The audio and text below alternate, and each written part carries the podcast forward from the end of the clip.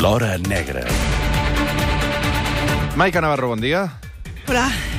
Ui, és bufegant, ja. No, no, no, no, no. Està... No, és que cada dia em fas patir més. És a dir, jo he de sempre buscar un pla alternatiu pels dissabtes al matí per si la Maica Navarro no es presenta. És a dir, estic allò inquiet, dic, bueno, avui, És vindrà, cert, avui és cert. arribarà puntual o no? O... Però això... No, a veure, a o veure. començo a veure, tocar la veure. gaita. Digue'm, digue'm algun dia que jo a la, a la hora... O sigui, a l'hora clau no estigui aquí. Mm, ara, ho apurem, eh? No, no, sí, sí. Has tingut no, temps de menjar-te un canapé i tot. No. Però a avui. més a més jo pensava que era dolç i és salat. No, és veritat, és veritat, és veritat. És veritat que... Vas tard. És veritat que 15 minuts abans li envieu No. una localització des de Santa Sí. Coloma de Gramenet, No, com dient... O sigui, et canviarem l'hora de la... Testa. Et diré, et canviar... No, et diré que entres abans, et diré que entres a dos quarts de deu i ja està. Això m'ho feia la meva mare, Ah, sí? enganyar-me amb les hores. I així La arribaves. meva mare, tu, o sigui, tu dius que, que pateixes. La meva mare patia tant de petita, m'explica, Ah. que aixecar-me del llit era una mena de tortura. Ma, jo estava en una llitera amb la, amb la, amb la Maite, al- un piset primer de Santa Coloma, i m'havia arribat a agafar i llançar-me al terra.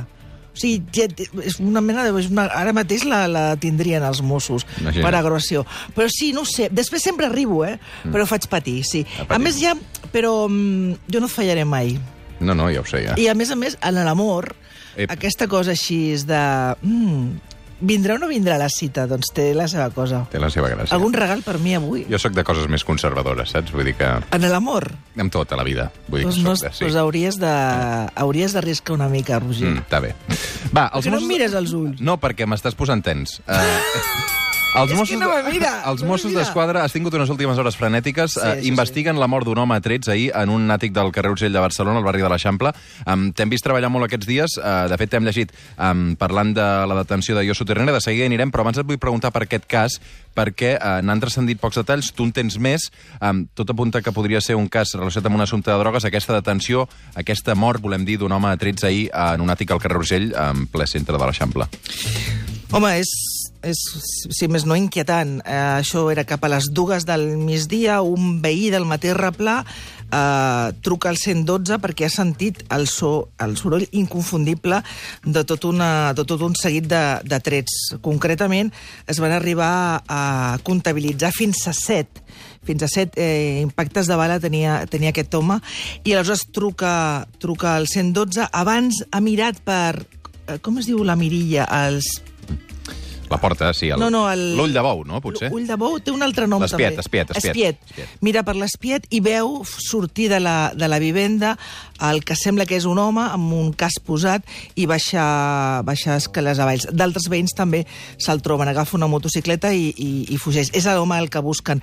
Arriba la primera patrulla de Mossos, també una ambulància de, del SEM, ja no poden fer res absolutament per la seva vida, però els primers Mossos també de la, del, del grup d'homicidis de, de Barcelona troben ja indicis a, a, la, a la vivenda que fa sospitar que no només pel modus operandis del crim, sinó per alguna, algun detall més que es tractaria d'una revenja per un tema vinculat amb drogues. De fet, quan arriba la primera patrulla, és una cosa que al final no vaig escriure, però t'ho avanço, a la vivenda hi ha una mena com de pols que està, a, a, que un pols blanc, que no és cocaïna, eh, sembla ser que no és cocaïna, haurien agafat unes mostres per confirmar en el loba- lobara- laboratori de què es tractaria, però era un, una pols molt consistent i que encara quan arriben hi era, hi era present. O sigui que segurament haurien manipulat alguna substància que encara, ja et dic, quan arriba aquesta primera patrulla, troben aquesta, aquesta pols blanca en, en, en l'ambient. Però vaja, un crim d'aquestes característiques, com a mínim inquietant, inquietant. La notícia policial de la setmana, sens dubte, és aquesta. L'excap polític d'ETA, Josu Ternera, figurava en la llista dels membres d'ETA més buscats per la policia. Té tres causes pendents amb la justícia espanyola, entre elles la seva imputació per l'atemptat a la caserna de la Guàrdia Civil de Saragossa l'any 87, on van morir 11 persones. És la detenció de Josu Terrero, un dels principals responsables d'ETA. Avui eh, publiques algunes novetats a La Vanguardia, a Maica Navarro, amb, perquè realment aquestes últimes hores els periodistes que us dediqueu a això us heu brallat per veure qui treia primer, um, qui explicava més detalls, eh? A veure, avui dius que eh, portava 4.000 euros al damunt, que anava amb una maleta molt gran en el moment Una de la motxilla. amb una motxilla molt gran en el moment de la detenció, una motxilla esportiva de muntanya, No se separava mai d'aquesta motxilla. Per si havia de marxar ràpidament, entenc. Sí, portava mm, una mena de kit de supervivència. És curiós dir-vos això dels de, els, periodistes de successos. Uh, durant molts anys uh, va haver-hi un grup de, de, de periodistes que es dedicava exclusivament a escriure d'ETA perquè la, tot, el, tot allò que tenia a veure amb ETA donava informació suficient perquè els mitjans de comunicació tinguessin persones especialitzades en ETA. I, de fet, hi ha grans periodistes que durant bona part de la seva trajectòria van escriure exclusivament d'ETA i tot allò que es bellugava al voltant d'ETA, i això implicava tenir fons principalment en aquells policies nacionals, guàrdies civils i gent a França que es dedicava a la lluita antiterrorista. Aquests dies, molts d'aquests ja no fa... No, evidentment, alguns van fer el pas a fer terrorisme jihadista, com ho van fer en el seu moment els guàrdies civils i la Policia Nacional, però és curiós com aquests dies, o sigui, precisament el dia de la, de la detenció de dijous, molts van haver de, de, de tornar a trucar a aquelles fonts que, que feia temps que no, que no hi parlàvem, perquè bueno, doncs, doncs feia un any que ETA havia fet aquest comunicat anunciant la, la seva dissolució absoluta, comunicat que llegeix precisament Josu Ternera... Mira, el tenim aquí, el comunicat. Esta Organización Socialista Revolucionaria Vasca de Liberación Nacional quiere informar al pueblo vasco del final de su trayectoria Després... Això uh, passava el 3 de maig del 2018. Uh, és la veu de Josu Ternera, i arran de la lectura d'aquest comunicat crec que va ser la manera com um, alguns d'aquests col·laboradors uh, que tenia Josu Ternera van poder finalment arribar sí, a ell, no? O sigui, ell... Uh, Josu, Josu Ternera, uh, penseu que ell té 60, 68 anys, ell entra a formar part d'ETA quan només tenia 18, i a l'organització terrorista ho ha estat absolutament tot tot. I quan es parlen de, de líders d'ETA, ell sense cap dubte va ser el gran general, o sigui, gran líder. Ell va començar a Meta i ell volia acabar a Meta i ell és el que consensua, redacta i vol llegir aquest comunicat.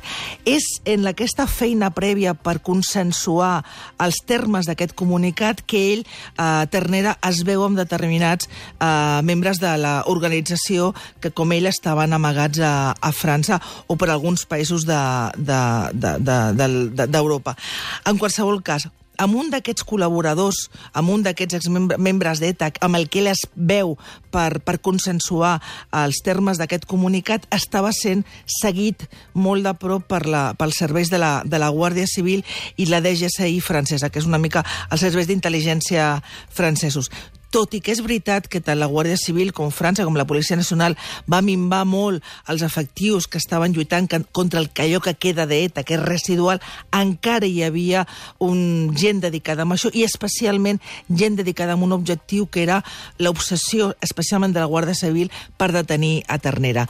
En cas, que és aquesta entrevista el que fa saltar l'alarma, i aquí comencen a aparèixer una sèrie d'inputs, de, de, de pistes, que permeten a la Guàrdia Civil, amb aquesta col·laboració estratíssima amb els serveis d'intel·ligència francesos, formar un conjunt que portaria a localitzar amb un individu que vivia eh, en aquesta localitat als peus de, de Montblanc, aquest individu que es feia passar per un escritor veneçolà i que, a més a més, tenia obert un expedient mèdic en un hospital de, de, per, per tractar-se precisament del càncer que no és terminal com s'havia, evidentment, explicat fa, fa una dècada, però sí que ha aconseguit doncs, tenir una supervivència, eh, doncs, una bona qualitat de vida, entre cometes, però estava previst ara eh, operar-se de, de, del tumor que, que pateix. Bona qualitat de vida, eh,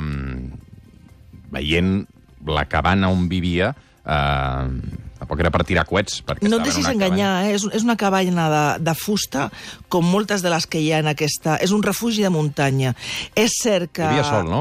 Vivia sol, és un refugi de muntanya que estava a, als, a les peus d'unes pistes d'esquí, que per arribar-hi només pots arribar-hi a peu per un sender d'aproximadament un, un quilòmetre i mig des de la prim, la, la primera carretera que, que hi trobes i la primera, el, prim, el primer veí que tindria a prop seria una altra caseta d'un guarda que, de, de la zona, que és amb el que habitualment es podia trobar, però és una caseta que és, eh, els veïns explicaven als companys que, que s'han aproximat a, en aquestes últimes hores fins allà, que, que tenia totes les, totes les comoditats a l'interior. És veritat que ell tenia una vida molt, molt austera, que el que sembla que no hi ha... Hi havia algun company que deia, "Hosti, no, no es veu que hi hagi... que pugui tenir llum. Tenia mm, llum d'aquesta de, de motor mm -hmm. un auto, o sigui, sí que tenia o sigui que, és, que No tenia bastant... electricitat, però tenia altres Sí, mecanismes. tenia- I quant, però- quant temps però- portava en aquesta cabanya? No, no, jo no he aconseguit concretar quant de temps portava i de fet els veïns el veien l'última referència que es té és del, del primer, la primera botiga que, que trobes i on la senyora assegurava que de tant en tant venia a fer una gran compra que l'havia vist el mes de, de gener. Mm. Uh, però aquest és, o sigui, la- l'altre... La, element que tenen els invest- investigadors és aquest, aquest sobrenom que ell havia, aquesta identitat falsa Bruno Martí. que ell havia- s'havia inventat, que era la de Bruno Martí, i l'explicava a la gent del voltant, i fins i tot amb algú d'aquests que, amb els que tenia contacte ara i que el consideraven amic i que l'estaven ajudant i que la policia francesa haurà de determinar si eren coneixedors de que en realitat ell era Josu Ternera i no aquest escriptor veneçolà que assegurava haver, haver fugit, mirad la, la paradoxa, que havia fugit del xavisme i que estava refugiat allà per, per escriure. Doncs un home molt, molt educat. Doncs el ell tenia, havia tingut, havia, s'havia obert la primera visita en aquest hospital mèdic, era del mes de primers de maig. O sigui que, bueno, pots, pots calcular. Ell, el que sí s'ha confirmat és que la, aquesta motxilla que portava sempre la portava a sobre, a l'interior no portava cap arma, però sí portava una mena de kit de supervivència amb tota una sèrie d'elements mínims en, que, en qualsevol cas, si ell, si en qualsevol moment ell s'hagués vist eh, amenaçat, perquè era un home que pensa que a la seva trajectòria en aquests últims 18 anys que ha portat escapolit de la justícia amb, i, i amb les serveis d'intel·ligència espanyols i, i, i francesos, allò trepitjant-li els talons, s'ha aconseguit escapolir-se com a mínim en tres ocasions de tres moments en què estaven a punt de, de detenir-lo. Doncs bé, en aquest kit de supervivència li permetia no tornar a casa si volgués, si es veia amenaçat. Els 4.000 euros eren per pagar el tractament mèdic Sí. o eren per si s'havia de marxar? No, no, no, tenir... no. Els 4.000 euros era el que havia de dipositar i pagar aquell mateix dia pel tractament mèdic. Ell no tenia segur, no tenia, no tenia assegurança i, per tant, era tot un procediment que havia de pagar havia de pagar per, per lo privat, diguéssim, no? Se li havien fet unes proves en aquesta segona aquesta última visita que havia de fer el dia de la detenció tenia preparades altres, altres analítiques i bàsicament se li estava programant la possibilitat de fer una, una operació. Aquest, aquest era la- l'argument, de, o sigui, la justificació de que, per què portava aquests diners. I una cosa molt important que revelem avui a, a la crònica La Vanguardia és que, a més a més, o sigui, no va ser una detenció a cegues. És veritat que tots els els guàrdies civils i els policies francesos que en aquelles, des de les 5 del matí eh, tenien absolutament eh, agafat tot el pàrquing d'aquest hospital perquè sabien que tenia aquesta hora concertada a les 9 del matí. Havia molta tensió perquè, insisteixo, algun d'ells eh, ja havien participat en altres dispositius que ell havia aconseguit escapolir-se i hi havia molta tensió per això. Però sabien perfectament que l'home que havia d'aparèixer només podia ser Josu Ternera perquè feia com a mínim dues setmanes que havien localitzat la, cas la caseta, el refugi de muntanya, que era molt difícil vigilar-lo perquè allà, en un mig de la muntanya, no hi ha res. Com et poses a vigilar?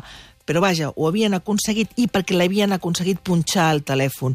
Mm. És a dir, com a mínim des de feia un parell de setmanes s'estava escoltant en directe totes les converses que Josu Ternera estava tenint amb els seus col·laboradors. Um, no va posar resistència, hem vist dues fotografies, un se'l veu de cara descoberta, després del moment um, de la detenció amb la caputxa.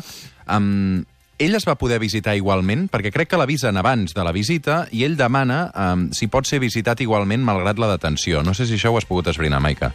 Ell el que sí demana un cop és detingut, que per cert, eh, en cap moment eh, intenta... Oposa resistència. Eh, ni oposa resistència ni intenta enganyar. És veritat que pensa que ell va amb un d'aquests amics que, que s'ha fet en els últims moments, que no estaria vinculat a Meta, va, estan caminant pel pàrquing, ana- anaven junts a l'entrada i es col·loquen tres policies francesos vestits de paisà. De fet, hi ha un d'ells que, que el coneix perfectament, es posen a la dreta, a l'esquerra, un al darrere, li tallen el camí, tot és amb molta tranquil·litat, de fet ningú s'assabenta de res, tota la gent que està entrant i sortint i es dona compte d'allò que està passant allà, i hi ha, hi ha un d'ells que li pregunta en francès pel, pel seu nom, jo José Antonio Urritico Echea, l'altre es queda mirant molt sorprès i pregunta en francès què és, com, com què és que passa, o sigui, què, què és el que està passant, i l'altre ja li contesta en, en un espanyol perfecte uh, un parell de paraules que no em deixen repetir. En qualsevol cas, ell es dona compte que fins allà ha arribat la seva, la seva, el seu moment en, en llibertat i es, es queda blanc, uh, baixa el cap i directament col·loca les mans al darrere i es deixa exposar als segons arriba un cotxe i se l'emporta i un altre cotxe al seu amic que seria que s'ha interrogat i que deixat en llibertat amb, amb carres. Això va durar 3 minuts, o sigui, ningú es va donar compte. Uh, Maica, només una pregunta per acabar, perquè he d'anar de seguida a Budapest. Per què Ne, des de... Podíem anar junts a Budapest un dia, jo el conec molt i m'agrada Sí? molt. Maco? Sí molt preciós. Mira, allà hi tinc Una el- de el- el Bernat Soler, a de la Sònia Gelmà, el Torque, tots. de- d'Europa, de, veritat. Digue'm, última pregunta. Com és que um, des del 2012 no l'havien pogut detenir a Josu Ternera? Hi ha una Dos- lege- 2002, perdó, 2002, Hi ha eh? una llegenda que diu que, que s'havia fet servir de les complicitats i que en el fons a ningú, a cap govern, especialment espanyol, li interessava aquesta detenció perquè Josu Ternera protagonitza tots els intents de negociació amb ETA que s'han portat a terme per part del, del govern espanyol, especialment per part dels governs de Felipe González i, i Zapatero. Això és una llegenda. Quan parles amb els serveis de, tant de la Guàrdia Civil com França, diu com, home, és també... Hi ha una, una de les vegades que aconsegueix marxar rep el seu col·laborador una trucada des de, des de Kènia, des de Nairobi, aquest xivatasso es va arribar a investigar, hi ha mils de legendes, algun dia algú haurà d'explicar la veritat.